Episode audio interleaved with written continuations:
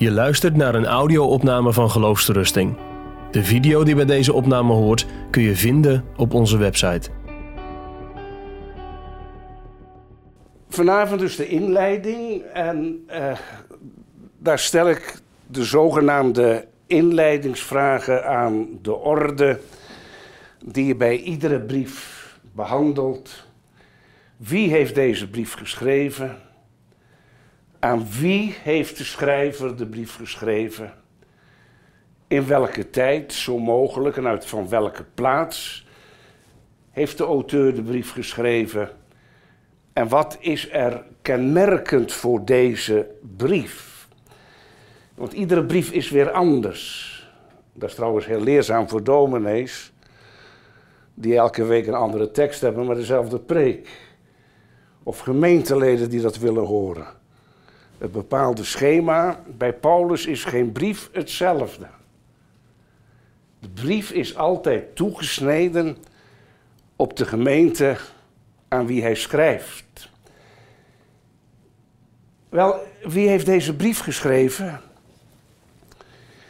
Die vraag allereerst. Paulus,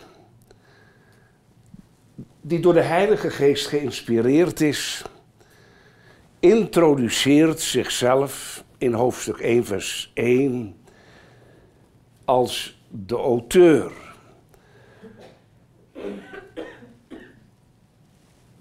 Op een paar radicale theologen uit de 19e eeuw na, de kritische eeuw, is eigenlijk het auteurschap van Paulus nooit ter discussie gesteld.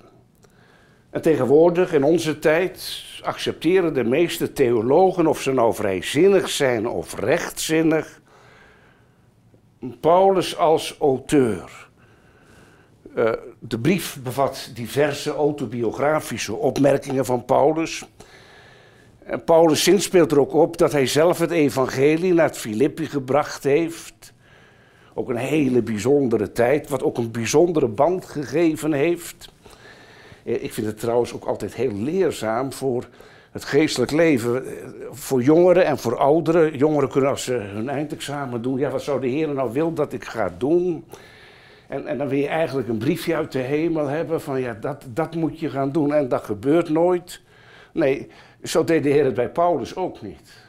Paulus is op zijn tweede zendingsreis.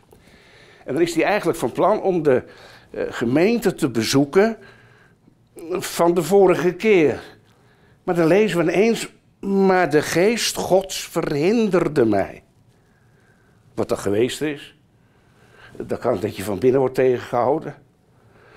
Het kan zijn dat er een aardbeving was en dat een, een, een vallei waar die door moest, was vol, eh, vol geraakt met stenen. In ieder geval, Paulus zegt, nou, dus dat werd verhinderd. Nou, dan gaan we die andere richting.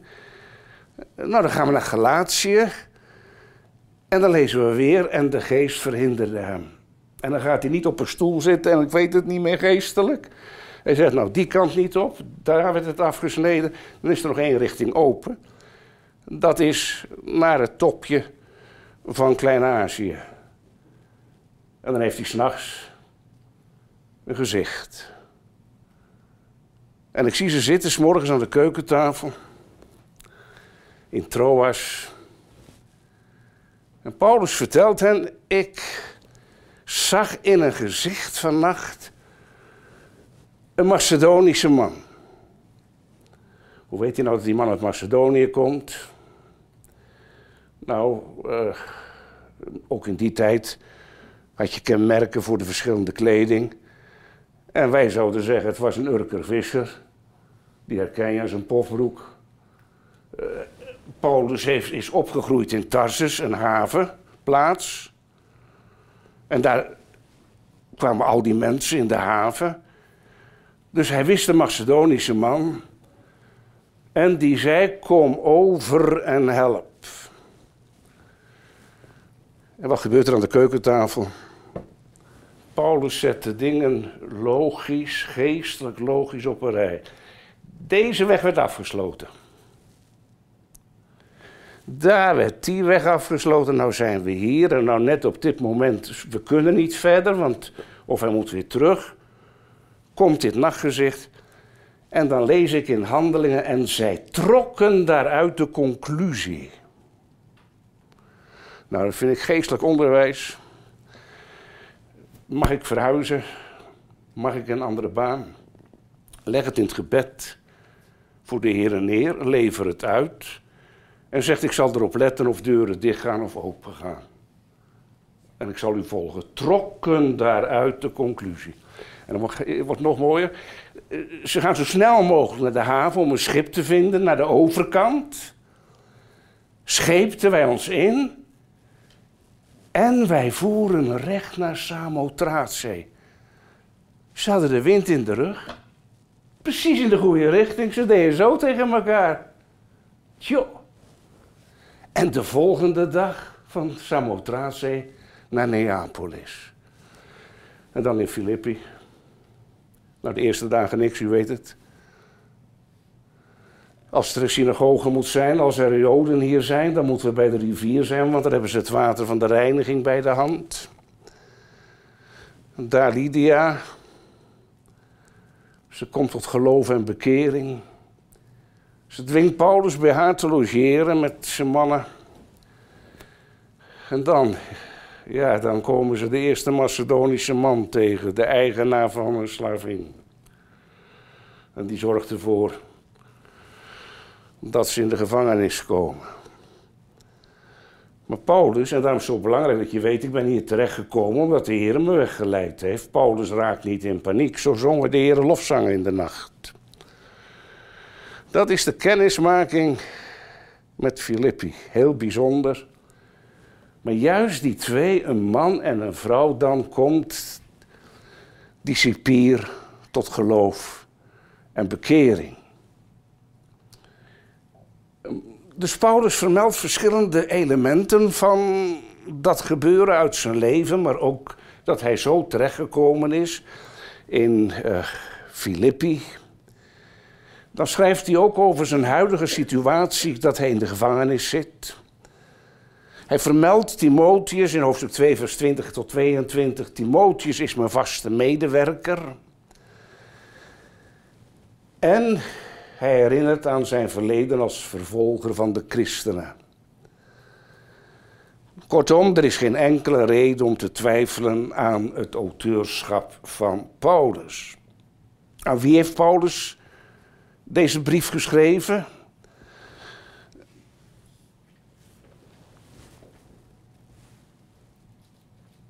Dat is klip en klaar, dat is de gemeente van Filippi. De eerste gemeente die Paulus in Europa mag stichten. Gekenmerkt, ik zei het net al, door twee bekeringen. Lydia en de cipier. En daar wordt een diepe band gesmeed tussen Paulus en de gemeente van Filippi. De gemeenteleden van Filippi hebben een hele diepe liefde voor Paulus en omgekeerd Paulus voor hen. En wat is het bijzondere van deze gemeente? Ze zijn niet rijk, ik zal het straks zullen het samen lezen. Uh, ze zijn arm. Maar ondanks dat ze arm zijn, ondersteunen zij Paulus financieel in een bepaalde periode van zijn dienst. Dat vermeldt hij ook in hoofdstuk 4, vers 15. En nu, na vele jaren, hebben ze weer geld gestuurd naar Paulus in de gevangenis. Want je moest daar zorgen voor je eigen of de familie, voor je eigen mensen. En een halve eeuw later, dus het is een gemeente die weinig geeft en veel geeft. Diezelfde gulheid tonen ze weer een halve eeuw later. Als de kerkvader Ignatius door hun straat heen, ik zal straks die straat, de Hoofdrijksweg, loopt door Filippi heen. Als hij door die stad heen gaat, meegevoerd wordt op weg naar Rome, om ook daar te lijden en te sterven de kerk van Filippi. worstelt dus de gemeente met hun arm zijn. En daarom is voor Paulus zo'n verrassing dat zij zo hebben bijgedragen aan de collecte voor Jeruzalem. U weet dat is gebeurd na eh, de synode, het concilie in Jeruzalem, waar Paulus, de prediking van Paulus, getoetst is vanwege de aanklacht bij judaïsten vandaan. En judaïsten, dat zijn fariseeën en schriftgeleerden die christen geworden zijn, maar heel hun wettische systeem intact hebben gehouden. En die dus ook beweren dat heidenen niet zalig kunnen worden tenzij ze besneden worden. U moet goed opletten, dat wordt weinig opgemerkt. Maar als een heiden Jood werd, zo waren ze dat gewend, gebeurden twee dingen. Allereerst werd al wat mannelijk was besneden, het jochie van een half jaar, de vader, de slaaf, alles werd besneden. En daarna werd heel het gezin met de vrouwen, de dochters, gewassen van het verleden, de proselietendoop. Paulus doopt ze allemaal. U hoort de Judaïsten in het Nieuwe Testament er niet over dat ze niet gewassen en gereinigd zijn. Maar die ene helft ontbreekt. Het besneden zijn. Dat is op de synode geweest van Jeruzalem. En tot Paulus' verwondering is daar vrij uit de conclusie getrokken. Er was eerst rumoer. En toen ging Petrus spreken over hoe het was onder de heidenen. Eh, wat er gebeurd was in het huis van Cornelius. In Caesarea. En uh, rumoer en weet u wie toen het woord nam? Wij zouden zeggen de zwaarste broeder. Jacobus, de oudste broer van de Heer Jezus. Die was de leider van de gemeente in Jeruzalem. Die leefde op Joodse wijze, hield de wetten. Flavius Josephus getuigt ook van zijn vroomheid. En die nam het woord en trok de lijnen uit de schrift dat het eigenlijk al voorzegd was. En hij zegt, wij mogen de heidenen geen andere last opleggen. Dan dat zij zich onthouden van het verstikte van bloed. En dat moet je ook goed lezen. Mag je geen bloedworst eten? Uh, vanwege dat, dat besluit zeggen de Jehovah-getuigen, je mag geen bloedtransfusie. Maar ze lezen het niet goed. Jacobus zegt, daar moeten ze zich van onthouden. Want Mozes heeft in iedere stad degene die hem beleiden. Dus in iedere stad zijn Joden, zijn Joden, die geen Joden christenen zijn, maar Joden. En om die niet tegen de haren in te strijken, moeten ze het opbrengen om dat niet te doen. Later, als de breuk volkomen is, na het jaar 70, de Romeinen verwoesten Jeruzalem, de Joden zijn dan furieus tegen de Joden christenen die weggetrokken zijn, want de Heer Jezus had hen geleerd dat als dat ging gebeuren, moesten zij weggaan. Maar zij zagen dat als verraad en toen is de breuk totaal geworden. De kerk van Filippi heeft armoede. En daar schrijft Paulus over aan de gemeente van Korinthe.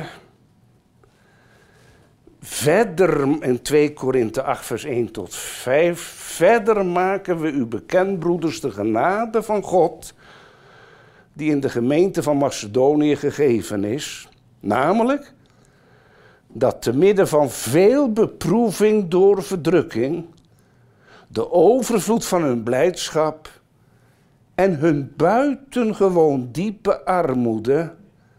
in overvloedige mate geleid hebben tot de rijkdom van hun vrijgevigheid. Want zo getuig ik. Ze gaven naar vermogen. Ja, boven vermogen en uit eigen beweging. En ze smeekten ons met veel aandrang dat wij hun genade gaven aandeel in het dienstbetoon aan de heiligen zouden aannemen.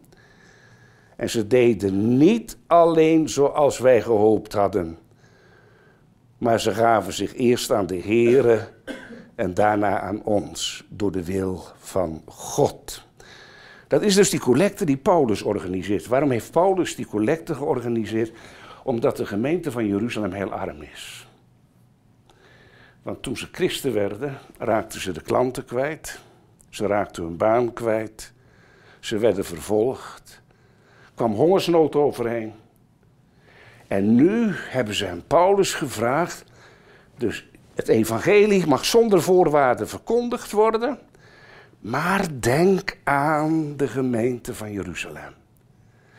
Laat zien dat jullie op die moedergemeente betrokken zijn en ze lief hebben ook door voor hen te collecteren. En dat is dus in Filippi zo rijk gebeurd. Dat Paulus, dat maak ik eruit op, want ze smeekt ons met veel aandrang dat wij hun genadegaven zouden aannemen. Dat Paulus zegt, jongens, je hebt zelf zo hard nodig, dit is te gek. Maar ze zetten hem zo onder de klem dat zij dit wilden geven met alle liefde. De Filippenzen worden ook, net als Paulus, vervolgd voor de zaak van Christus. Daar schrijft Paulus over in hoofdstuk 1, vers 27, vers 30. Ze worden ook aangevallen door valse leraren. Uh, let op, ik, ik, vermoed dat dit de Judaïsten ook zijn, die ook in Galatië tekeer gaan. Paulus noemt ze in hoofdstuk 3, vers 2 honden. Dat is wat. Dus als het evangelie wordt aangetast, zegt Paulus, ze zijn honden. Goed, dat zijn de Filippenzen.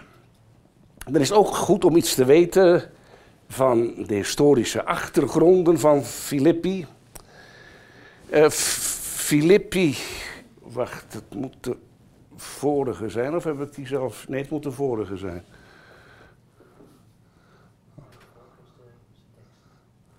Oh, dan heb ik daar een fout gemaakt. Ik had een keurig uh, plaatje. Uh, in het noordoosten van Macedonië. Het is dus de eerste aan, aan, de Middellandse Zee of aan de Egeïsche Zee ligt Neapolis. En vandaag ga je iets naar boven, naar de Rijksweg. Daar ligt Filippi. En Filippi is in de tijd van Paulus een belangrijke stad. Dat is een poosje anders geweest, dat zal ik u zeggen. Eh, de stad ligt op de vruchtbare vlakte van de Struma of de Strimonas rivier. Die loopt door Bulgarije en het noorden van Griekenland. En daar loopt ook een snelstromend riviertje, niet breed, waar Paulus Lydia gedoopt heeft. En de stad is belangrijk geworden vanwege de naburig in de bergen goudmijnen. En die goudmijnen trokken de aandacht van Filip II van Macedonië, de vader van Alexander de Grote. Dat roept weer erkenning op. En hij annexeert Filippi en de omgeving in 356 voor Christus en maakt van die kleine plaats een vesting.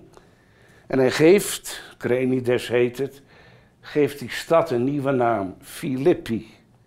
Hij noemt de stad dus naar zichzelf. Maar daarna verdwijnt de stad gedurende een eeuw naar de achtergrond. Tot 42 voor Christus. En dan vindt daar een belangrijke slag plaats. Een veldslag. Een van de meest cruciale veldslagen in de Romeinse geschiedenis. Eh, het wordt ook genoemd de veldslag van Filippi. En daar verslaan de troepen van Antonius en Octavianus, keizer Augustus, in Lucas 2, vers 1. Die verslaan de republikeinse krachten van Brutus en Cassius. En die slag is het einde van de republiek en het begin van het keizertijdperk. En dan krijgen we dat plaatje daar. Uh, Octavianus samen uh, met Antonius. En dan krijgen die twee, want het gaat altijd door om verder te komen. Gaan die twee met elkaar vechten wie er uiteindelijk overblijft. En dat is de slag die plaatsvindt daar in de buurt van Constantinopel en die door Octavianus, keizer Augustus, gewonnen wordt. En wat is ondertussen Filippi? Na de eerste slag bij Filippi hebben Octavianus en Antonius de verdetten uit hun leger willen belonen door hen daar gratis land te geven. Italië raakt ondertussen al vol voor de veteranen. En daar krijgen ze dus hun eigen pensioen in de vorm van land. En dat is het bijzondere van Filippi, dat komt u ook in de brief tegen. Filippi wordt helemaal ingericht naar het Romeinse model in Italië van de steden. Ze krijgen hetzelfde recht en dezelfde status als de steden in Italië. Het zogenaamde Italische recht, jus Italicum. En daarmee dezelfde voorrechten van bestuur en belasting. Uh, burgers van Filippi hoeven als Romeinse burgers bepaalde belastingen niet te betalen die andere inwoners van Mesopotamië wel moeten betalen. Eh, ze zijn niet onderworpen aan het gezag van de provinciale gezagsdrager en ze houden zich aan de Romeinse architectuur aan de Romeinse kledingstijl. En de munten dragen Romeinse inscripties. En het Latijn is de officiële taal van de stad, ook al wordt er Grieks gesproken. Uh, even een indruk van de stad, een klein van de ruïnes die er nog zijn. Uh, nou, u ziet, het is ver, uh, het was niet groot, maar het breidt uit, ook met allerlei tempels, wat ook te zien is aan de ruïnes. Maar wat ik nou zo mooi vind, dat moet u goed onthouden, dat zijn van die mooie dingen. Lucas is een wetenschapsmens die door God in dienst is genomen. En een burgemeester, om een voorbeeld te noemen, heette overal in Klein-Azië weer anders. En de aanduidingen in Filippi zijn allemaal in het Latijn. En wat is nou het frappante? Dat wordt bij Lucas altijd exact geformuleerd. Over de betrouwbaarheid van de Bijbel gesproken. Uh, wij spreken, wij zouden als we zoiets zouden schrijven, ook niet geïnspireerd door de Heilige Geest, maar dat was Lucas wel. Maar wij zouden overal dan gewoon burgemeester zeggen, dan kon iedereen dat begrijpen. Lucas noemt exact naar de plaats en de speciale naam die daar gebruikt wordt. En zo noemt hij in Filippi de magistraten met de bijzondere naam Argonten. En de hoofdlieden worden strategoi genoemd, strategen.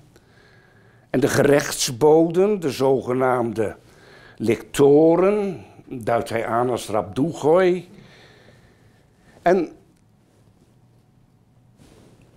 dat werkt door. Voor de inwoners van Filippi is hun burgerschap ontzettend belangrijk. Hun burgerschap door Paulus in het Grieks polytuima genoemd. En hij zal de inwoners van Filippi erop wijzen waar die veteranen zo prat gaan op hun Romeinse afkomst en hun Romeinse recht. Jullie hebben een polytuima in de hemel. Dat, dat is tegen die achtergrond dus heel concreet van de toestand in Filippi. En Filippi is heel belangrijk in die tijd vanwege de strategische ligging. Dus volgende dia.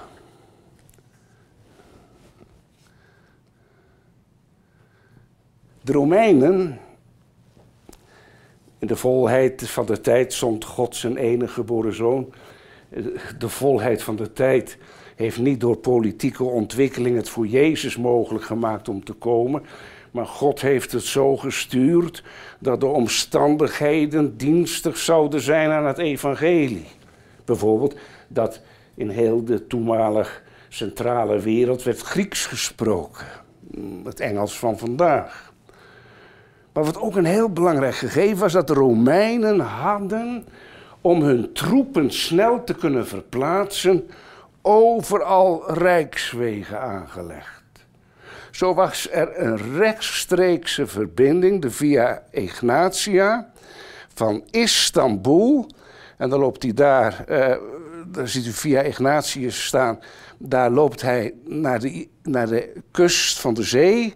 En daar is het dat je over kunt steken naar Rome, de Rijksweg, die daar ook ligt.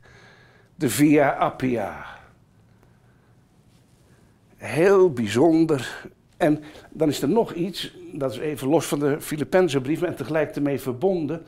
Paulus gaat dus eerst naar Filippi. Het is heel frappant dat Paulus altijd de grote plaatsen kiest aan die rijksweg. Daar, daar brengt hij het evangelie. En vanuit die plaats, op de markt van de stad enzovoort, moeten de leden van de christelijke gemeente en ook door contacten het evangelie verder verbreiden het land in. Maar Paulus zelf heeft de hoofdweg genomen om het evangelie zo ver mogelijk en zo snel mogelijk te kunnen verbreiden. En even, even, even een plaatje over hoe die Rijksweg eruit zag. Nou, dat was met kinderhoofdjes. Maar het lachte toch maar. Ze konden met hun paarden en wagens, en zelfs met olifanten, konden ze met hun troepen de zaken verplaatsen. En dit rechts, dat is de Rijksweg, ik zei het net al, die door Filippi heen loopt. En uh, nou, zo is Paulus binnengekomen en Paulus is verder gegaan. En Paulus was van plan naar de, naar de kust te gaan. Dat, hij schrijft aan de Romeinen: Ik heb één en andere maal geprobeerd om bij jullie te komen, maar de Heer verhinderde het. Uh, nou, dat is gebeurd in Thessalonica, waar hij vreselijk uh, tegenstand gehad heeft, door de broeders werd weggebracht naar Berea. Daar kwamen ze ook weer erachteraan omdat hij met zegen preekte. Toen is hij naar Athene, naar het zuiden gegaan. Daar lag ook een Rijksweg, dus de Rijksweg naar het zuiden, naar Athene. En vanuit Athene, of via de Rijksweg, of via zee, is hij doorgegaan naar Korinthe. Hoe het nou is met de Joden, of er ook Joden waren in Filippi. Uh, het lijkt wel, want Lydia sympathiseert met de Joodse religie. Uh, Handelingen 16, vers 14. Uh, we gaan ervan uit dat Paulus die eerste dagen door Filippi gewandeld heeft om te kijken of er een synagoge was. Paulus begon altijd in de synagoge waar het werk al was. Tussen twee haakjes ook heel leerzaam. Uh, vooral voor jongeren. Uh, die weinig feeling hebben voor kerkgeschiedenis en dergelijke. Het gaat erom hoe je het voelt. Maar één ding. Uh, je, niemand mag zomaar een gemeente beginnen. Dat is niet uit God. Dat is even een hele keiharde. Paulus, daar heb u het Bijbels patroon, is niet zelf gezegd, jongens, mijn, bloed jeukt om gemeente te gaan stichten. Paulus heeft gearbeid in Antiochië en toen kwam de Heilige Geest en die vertelde tegen broeders dat zij Paulus en Barnabas moesten uitzenden. En dan gaan ze, met oplegging van de handen, en ze gaan, en wat doen ze? Ze maken een hele reis en komen terug in Antiochie om verantwoording af te leggen. Paulus gaat ook altijd niet zomaar ergens beginnen. Hij gaat eerst zoeken naar een synagoge. Ik weet niet of er een synagoge was in Filippi. Uh, de plaats waar Lydia met de vrouwen verzameld is, wordt aangeduid de plaats van het gebed, prosuigai. En anderen zeggen, ja, daar is, is verbonden met een synagoge, omdat Grieks sprekende Joden voor de synagoge ook het woord, de plaats van gebed, prosuigai gebruikten. Uh, en Flavius Josephus vermeldt dat Joden vaak een rivier bouwden, bij de, of hun, hun synagoge bouwden vlakbij een rivier in verband met de rituele wassingen. Uh, ik weet het niet, ik, ik, ik heb niet direct de indruk. Maar er zijn dingen die we in het midden moeten laten. Dan nu de vraag: in welke tijd en welke plaats heeft Paulus de brief geschreven? En Paulus schrijft de Filippenzenbrief net als de Colossense en de brief aan Efeze en aan Philemon vanuit de gevangenis. En tot vanaf het einde van de 18e eeuw was men, waren de theologen het erover eens dat dat Rome was. Waar het slot van de handelingen over schrijft. Maar in recentere tijden zijn er ook theologen en uitleggers die zeggen: nee, het is Caesarea. Of Efeze. Ik liet dat een beetje in het midden. Ik, eh, de een zegt dit redelijk en de ander zegt dat redelijk. Uh, nu voor deze inleiding heb ik John MacArthur, die had ik toen niet, uit de kast gehaald. En die schrijft erg overtuigend. Heeft goede argumenten dat hij de brief vanuit Rome heeft geschreven. Hij gebruikt de term gerechtsgebouw. En aan het slot doet het de groeten van het huishouden van Caesar. Uh, dat wordt het meest natuurlijk verstaan als verwijzingen naar de lijfwacht. En de dienaren van de keizer die gestationeerd zijn in Rome. Uh, bovendien laten ook de dingen die Paulus vertelt over zijn situatie zich heel goed harmoniëren met wat geschreven wordt in Filippenzen. Paulus schrijft in hoofdstuk 1, vers 13 en 14 dat hij bewaakt wordt door soldaten. Paulus schrijft, of Lucas schrijft dat in Handelingen 16 van Rome. Paulus schrijft dat hij bezoekers mag ontvangen, hoofdstuk 4, vers 18. Eh, Lucas schrijft dat in hoofdstuk 38 van de Handelingen, vers 30. 28, excuus, vers 30. En Paulus heeft de vrijheid om het evangelie te preken, Filippenzen 1, vers 12 tot 14. Lucas schrijft dat in Handelingen 28, vers 31. En het feit dat er een grote gemeente is in de stad, van waaruit Paulus schrijft, conform hoofdstuk 1, vers 12 tot 14, wijst ook op Rome. Want de kerk in de keizerlijke hoofdstad, daar waren verschillende gemeenten, zoals de brief van Paulus laat zien. De grote gemeente ten huize van die enzovoort. Eh, die gemeenten waren ongetwijfeld groter dan de gemeente in Efeze of in Caesarea. En het meest overtuigende argument dat Paulus de brief geschreven heeft van MacArthur in Rome ligt in de beslissende, de definitieve uitspraak die de apostel binnenkort verwacht. Hij heeft vertrouwen dat hij wordt vrijgelaten. Zoals hij hoopt of dat hij wordt terechtgesteld. Nou, dat kan niet Caesarea zijn. Want hij zit in Caesarea gevangen totdat hij doorgestuurd wordt. Hij heeft zich beroepen op de keizer naar Rome. Dus daar, in Caesarea verwacht hij nog geen uitspraak.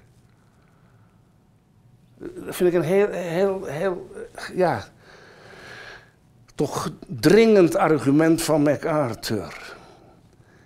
En uh, hij verwacht dus, waar het oordeel waar hij nu over schrijft, dat de definitieve uitspraak komt waarop geen, waarop geen beroep mogelijk is. Nou, dat sluit, sluit Caesarea uit, ook Eversen. Want Paulus als het dat niet zou zijn, als het, eh, als een andere gevangenschap zou zijn, zou Paulus een beroep kunnen doen op zijn recht om zich op de keizer te beroepen. Heeft hij gedaan. Uh, bovendien zijn er andere moeilijkheden als je zegt Caesarea of Efeze. Uh,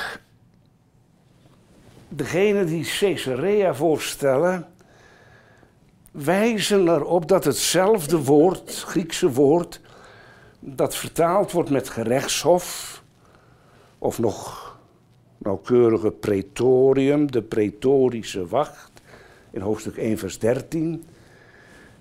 Dat wordt in de evangelie ook gebruikt en in de handelingen om het paleis van de gouverneur in Jeruzalem en in Caesarea aan te duiden. Maar de woorden die gebruikt worden in Filippenzen 1, vers 13. Alzo dat mijn banden in Christus openbaar geworden zijn in het hele rechtshuis, maar het gaat niet om het gebouw, en aan alle anderen. Het gaat om mensen. En dat heeft MacArthur nauwkeurig opgemerkt. En dan zegt MacArthur nog, je hebt ook argumenten uit wat niet gezegd wordt. Hij zegt, ik vind het wel heel vreemd. Dat als, als het Caesarea moet zijn dat Paulus daar gevangen zijn, zit. En hij schrijft vanuit Caesarea een brief dat hij met geen woord rept over Filippus de evangelist. U weet wel van de moorman. Die woont in Caesarea met zijn dochters. En in de handeling is vermeld dat hij eerder aan Paulus gastvrijheid heeft betoond. En nu zou hij helemaal buiten spel staan. Terwijl de apostel juist in de gevangenis hulp nodig heeft: eten, drinken, kleding. Nou, dat lijkt me onmogelijk. Is er ook nog de mogelijkheid van Eversen? Ja, daar weet ik niks, niks mee te beginnen. Eh, in heel de handelingen lees ik nergens van een gevangenschap in Eversen. En uh, dat is betekenisvol, want Lucas besteedt een heel hoofdstuk aan die drieënhalf jaar van Paulus in Efeze. En ook die afscheidsreden van Paulus in Handelingen 20 uh, vermeldt niets over een gevangenschap. En dan uh, is er nog een argument, en daarom was het wel goed dat we even naar Korinthe keken. In alle brieven, de eerdere brieven, wordt geschreven over die collecte naar, voor Jeruzalem. In de brief aan Filippi wordt daar geen enkele melding van gemaakt. Die is dus achter de rug, dat is afgesloten.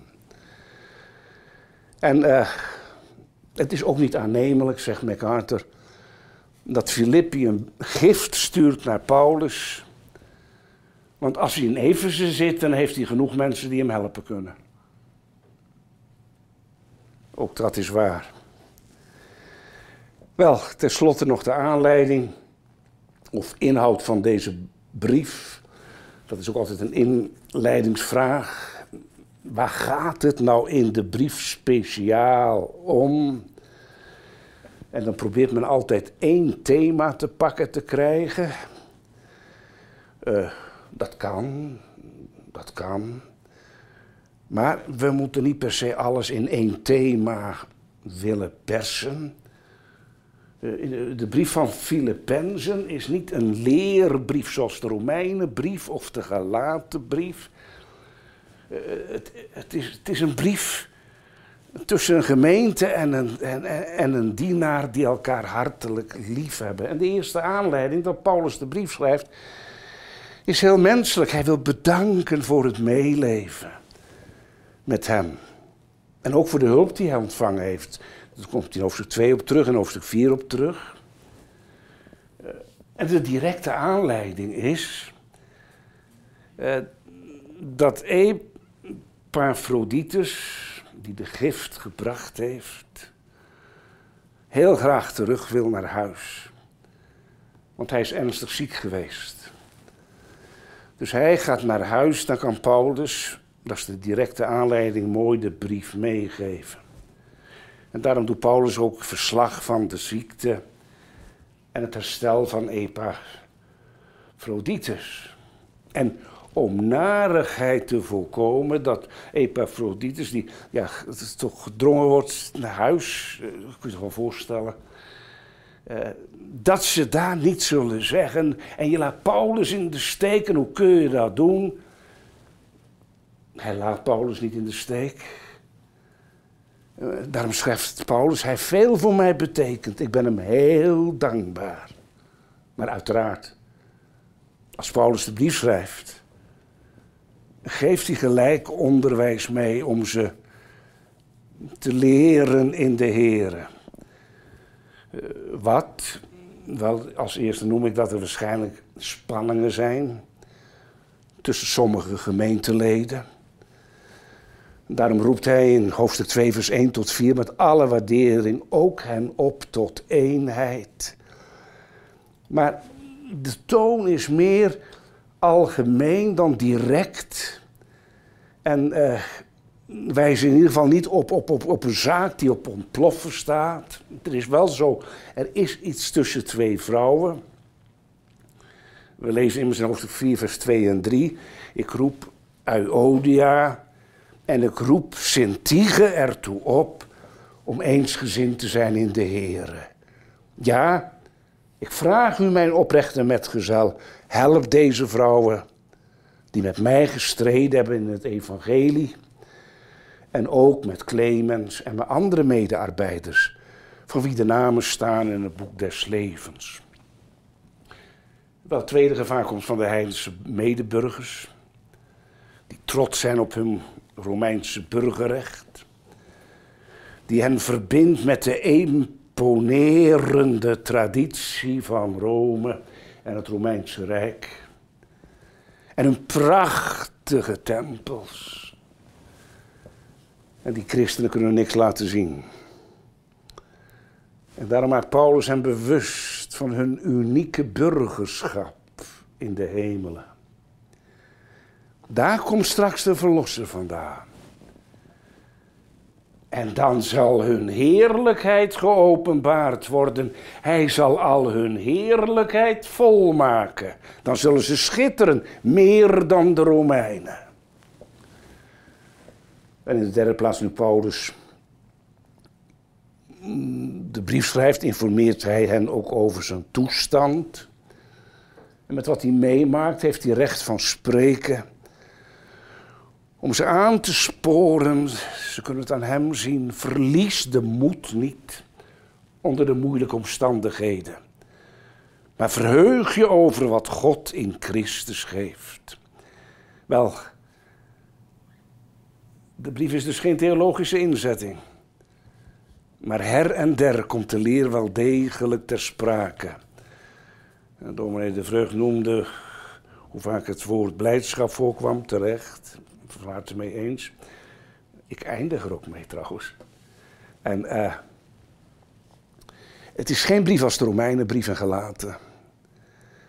Maar Paulus schrijft 38 keer in zijn brief. In Christus. En 34 keer in Christus Jezus. Heel zijn theologie is verankerd in Jezus Christus. Om Hem gaat het. In Hem is het alles. En buiten Hem is geen leven. Maar in Christus is de bron van echte blijvende blijdschap. Dat is zowel uniek als bijzonder. En zo wens ik u met elkaar veel blijdschap. In de Here in de komende winter. Dank u. Je luistert naar een podcast van Geloofsterusting. Wil je meer luisteren, lezen of bekijken? Steun dan ons werk en ga naar de website geloofsterusting.nl.